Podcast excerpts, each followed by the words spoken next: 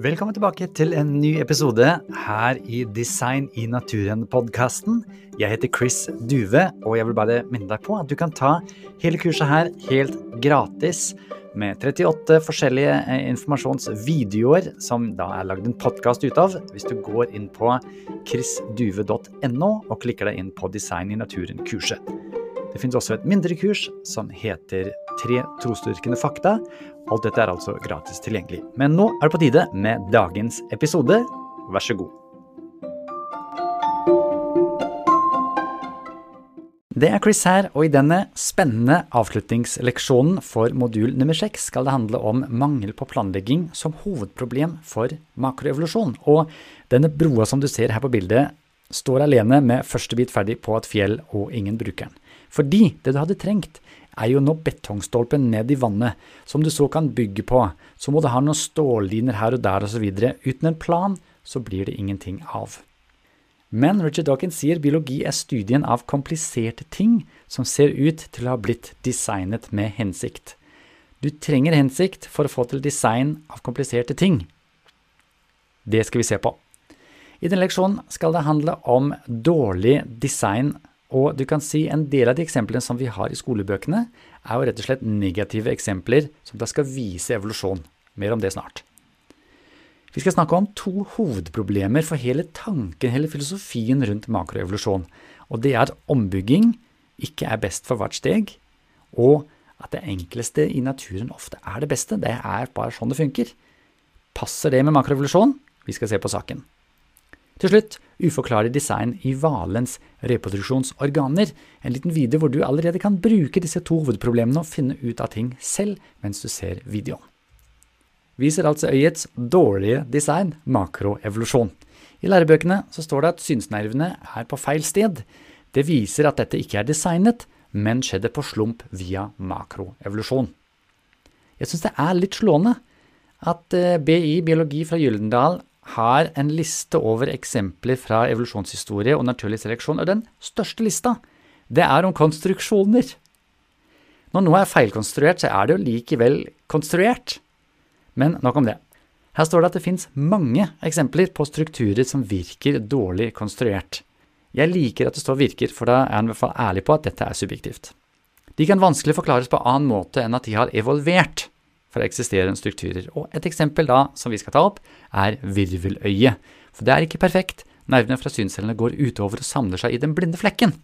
Mens blekkspruter har nervene på baksiden av netthinnen. Så da er det jo en feil, eh, ja, en konstruksjon. Når vi ser på øyet, så har vi øyet, og helt baki der så får det forstørret C. Her er lyssensitive celler. Helt bakerst er blodårene som tilføyer energi og tar bort eh, søppelceller. Foran her så er det nerver. Og Det som er tanken fra biologiboken, er at dette skulle vært bytta om. La oss høre med Jonathan Wells hva han tenker om det. Now, and these are nerves, by the way, which are in front of the light sensing cells. And the argument is they should be in the back. The problem is the nerve cells are almost uh, transparent. Blood is opaque.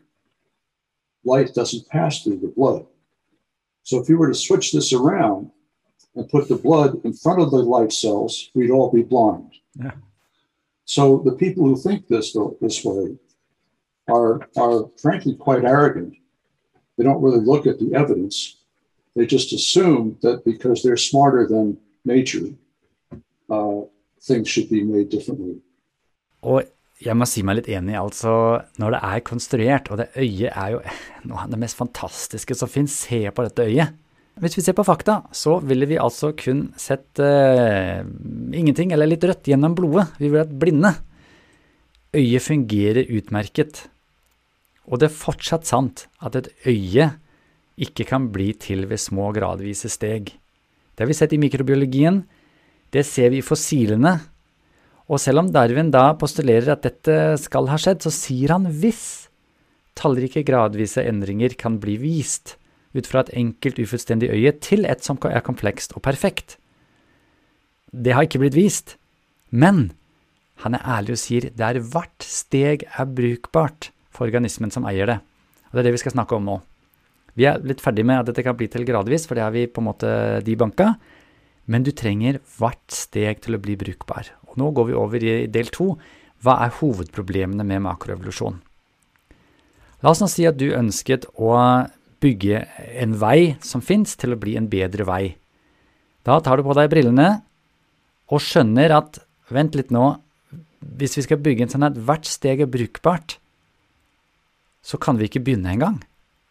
Fordi å bygge om en vei som skal bli til en, et område som er mye mer avansert, det behøver ombygging. Og da er det sorry for any delay. Veien fungerer kjempebra og er i bruk. Han fungerer da dårlig underveis, med omkjøringer og masse tidsulemper og forskjellige. Så funker den bra igjen når alt er ferdig. Men i evolusjon så må hvert steg, også de stegene hvor det bygges om, fungere best for å bli selektert.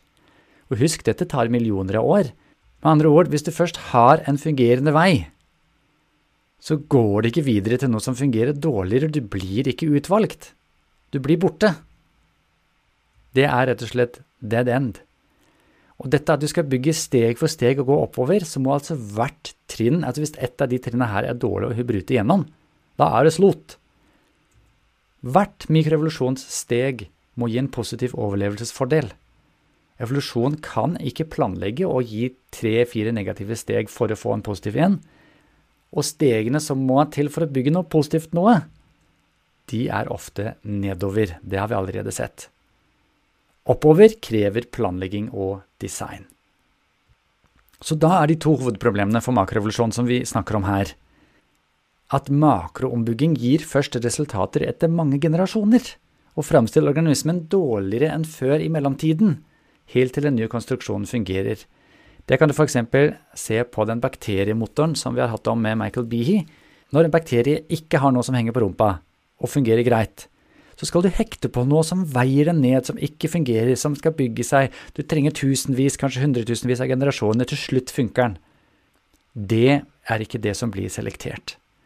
Og naturen velger som regel den letteste måten å løse et problem på. Det skal jeg forklare litt mer.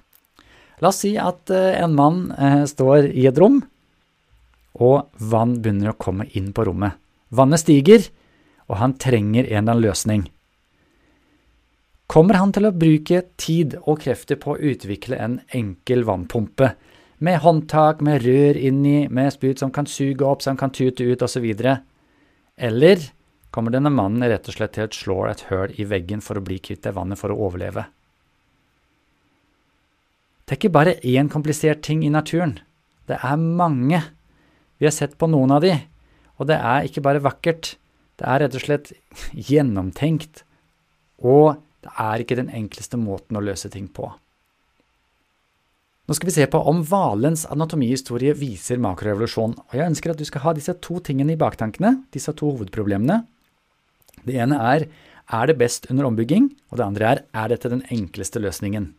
Fordi det påstås at hvalen har utviklet seg fra et landlevende dyr til et vannlevende dyr via mange små steg, og kroppsdelene må jo da ifølge makroevolusjon ha utviklet seg gradvis ved tilfeldige mutasjoner, naturlig utvalg og lang tid fra et landlevende dyr til et vannlevende dyr.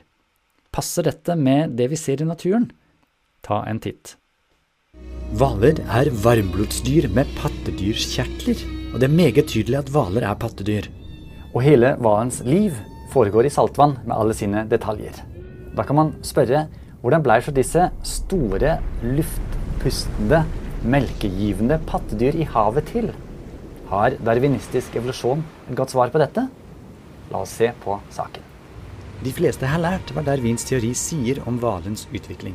Et firbeint pattedyr på størrelse med en ulv eller en sau forandrer seg gradvis i sin biologiske oppbygning til en hval over mange millioner år.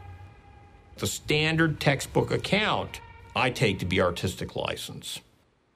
When you look at the problem of being a land mammal that finds itself, speaking loosely, in an aquatic environment, and you've got to conduct your everything there, including reproduction, you have to have the coming together of a number of adaptations.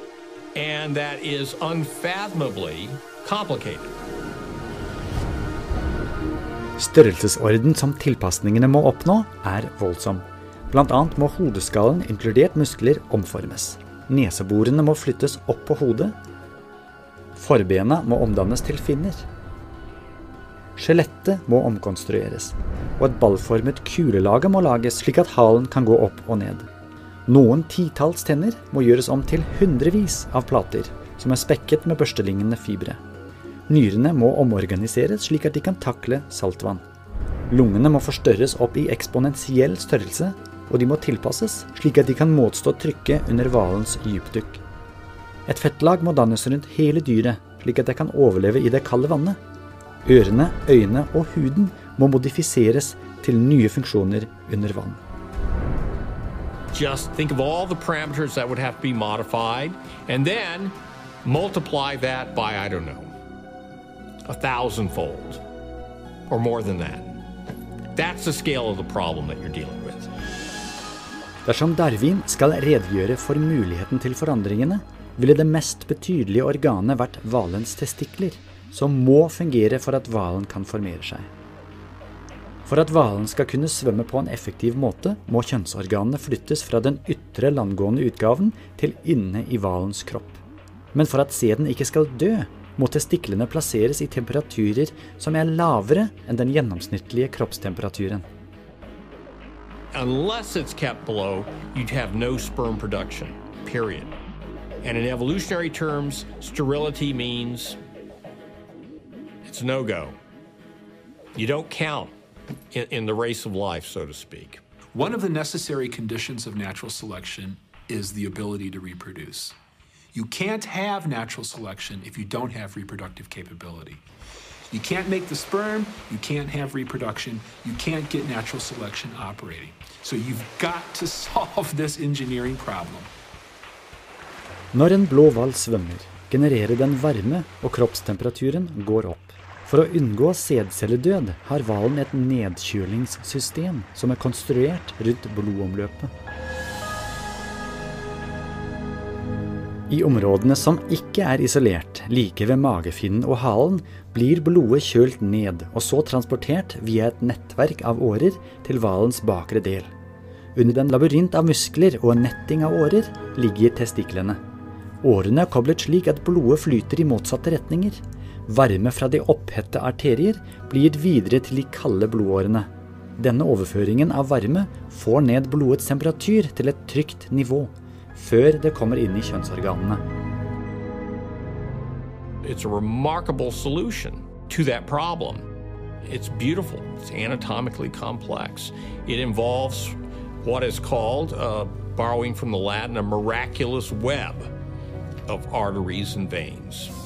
But can you explain it by some smooth, gradualistic, textbook scenario? Little change, little change, fixation? No, it doesn't fit the Darwinian model. In my opinion, you're looking at just a suite of characters that had to have been integrated from the get go. I mean, it's a non gradualistic type of change. So the cooling system makes sense because you have internalized reproductive glands. The internalized reproductive glands, however, are a no go unless you've got the cooling system. You can't explain the emergence of one without the other. Systemer i naturen, hvor alle komponentene må være til stede samtidig for å oppnå funksjon og levedyktighet, kan ikke utvikle seg gradvis slik Darwin foreslo. Kanskje det er på tide å tenke nytt?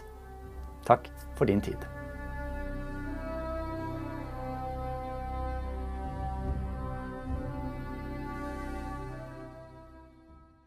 Fakta er at ordnede deler, som f.eks. hvalens testikler, som har et nedkjølingsaggregat, krever koordinerte mutasjoner. Dette krever lang planlegging og mange generasjoner. Dette må også skje da i mindre enn 10 millioner år, men, men det er én ting. Det andre er at det matematisk sett er umulig, for mikrobiologi har ingen evolusjonistiske svar på denne type utvikling. Og husk de to hovedproblemene. For det første så må det alltid fungere best, også under ombygging. Og for det andre så det, må det være den enkleste løsningen, for det er sånn naturen fungerer. Da får du ikke til en pakkesitus til å bli doridon. ved makroevolusjon. Og siden dette krever informasjonsinput Noen vil si ja, men det er uvitenskapelig, for da bare er det cop-out. Ah, vi veit ikke, det er for design. Vi vet at endringer, forbedringer, nye organer, nye proteiner trenger informasjonsinput. De trenger design for å fungere, det ser vi overalt ellers i natur, i vår virksomhet, i dataprogrammer. Det er vår felles erfaring. Det er vitenskapelig å si at dette er sant. Og da kreves også det når du skal bygge om et dyr. Derfor er hvalens anatomi et kjempeproblem for makroevolusjon. Nå skal vi oppsummere litt. Og det er sånn at uh, En del av de biologibøkene, spesielt uh, BIOS og BI Gyldendal på videregående, de henviser til litt nettsider og litt videoer, bl.a. en video som hadde dette bildet her, for å bevise at evolusjon er fakta. Og husk igjen at uh, i disse leksjonene har vi altså hatt stjerneeksemplene, de beste av de beste, som skal vise at makroevolusjon virkelig fungerer. Når dette er det beste av det beste, og det er så mye tvilsomt, så kan du antageligvis komme til samme konklusjon som dr. Jonathan Wells. Uh, first of all, there are no straight lines in reality. The straight line at the bottom, the straight lines vertically, aren't there. Those are human inventions. Second of all, the drawing, at least from what I can see, implies that the fossils, the molecules, the embryos, and the homologies all point to the same picture. And in fact, they don't. When you look at the different sources of evidence, or even one source like the DNA and RNA, you get conflicting trees, not the same. If Darwin's theory is true, you would expect there to be one true tree of life. But in fact, the evidence itself points to many different trees, or none. Or none.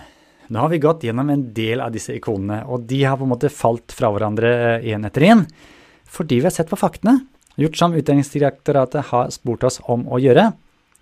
Men det er jo én stor en igjen, og det er menneskeevolusjon. I neste modul så skal det bare handle om dette, ikke bare hvordan denne påståtte utviklingen fra en apelignende skapning til den europeiske ariske rasen, dessverre så må man bare si det sånn, sånn det ser ut på det bildet, er et problem for evolusjon, men det er et problem for samfunnet.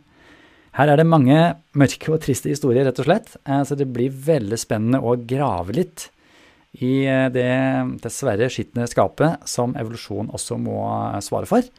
Eh, ingen konspirasjonsteorier, men faktabasert historie, det er det vi er interessert i. Her har vi avliva en god del myter. Hva er det vi har lært? Dårlig design er ofte misforstått som junk-DNA. Det var faktisk mål og mening med det som var, og har ikke blitt forsket nok på. Så da må man ha litt is i magen, og faktisk så postulerte jo da Intelligent Design at det var bruk for f.eks. junk-DNA. En positiv postulering som viste seg til å være riktig. I tillegg så viser jo dårlig konstruksjon, dårlig design, at det er designa. Eh, et dårlig designet hus har ikke blitt til av tilfeldigheter. Så vi ser på hovedproblemene med evolusjon, og det er at evolusjon ikke kan forklare fordelene med hver eneste gradvise endring som må bli selektert. Og at kompliserte løsninger for enkle problemer ikke er det som naturen egentlig får til. Hvalens reproduksjon kan ikke forklares med gradvise endringer, fordi hver eneste ombygging må være en fordel, det er ikke nok tid, det er en komplisert løsning som krever design. Er design en cop-out? Er det liksom vi veit ikke derfor design? Nei, vi ser at det trenger informasjonsinput, mer enn bare tilfeldige strukturer av molekyler som binder seg til hverandre, men koder, endringer som krever at justeringer samtreffer.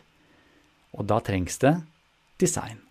Derfor er det helt sant, biologien er studien av kompliserte ting som ser ut til å ha blitt designet med hensikt. Selv om Dawkins ikke støtter det her selv, så kommer han ikke forbi det med sitt eget sitat. Tid for action. Tenk deg en samtale, eller ta og skrive ut oppgavearket fra leksjonen, og svar på dette. Er øyet vårt dårlig designet?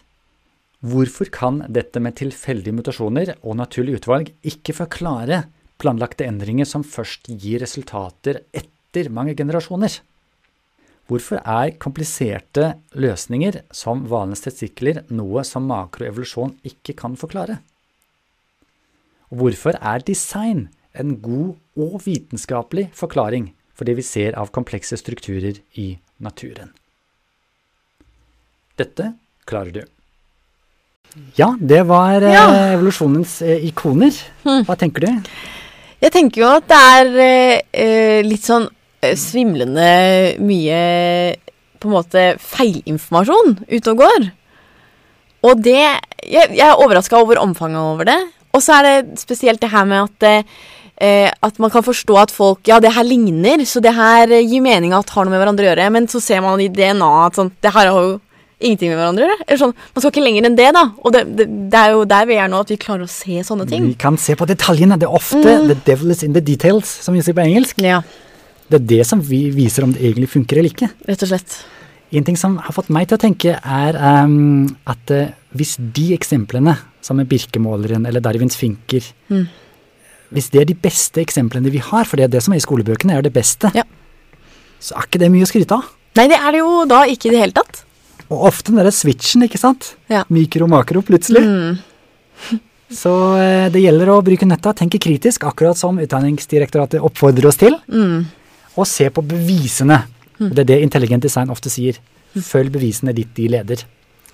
Det skal vi også gjøre i neste modul. Da skal det handle om em, primater kan bli til Homo sapiens, så nå snakker vi om mennesker. Okay. Og det er oppløst og vedtatt, eh, som du sa, som evolusjonsikon. Men har vi eh, fakta på vår side når vi sier det der? Har vi ikke? Hvor mye kan evolusjon få til? Vi ser på det i neste modul. Kjempebra, dere. Hold fast! Nå kommer det spennende saker. Gøy.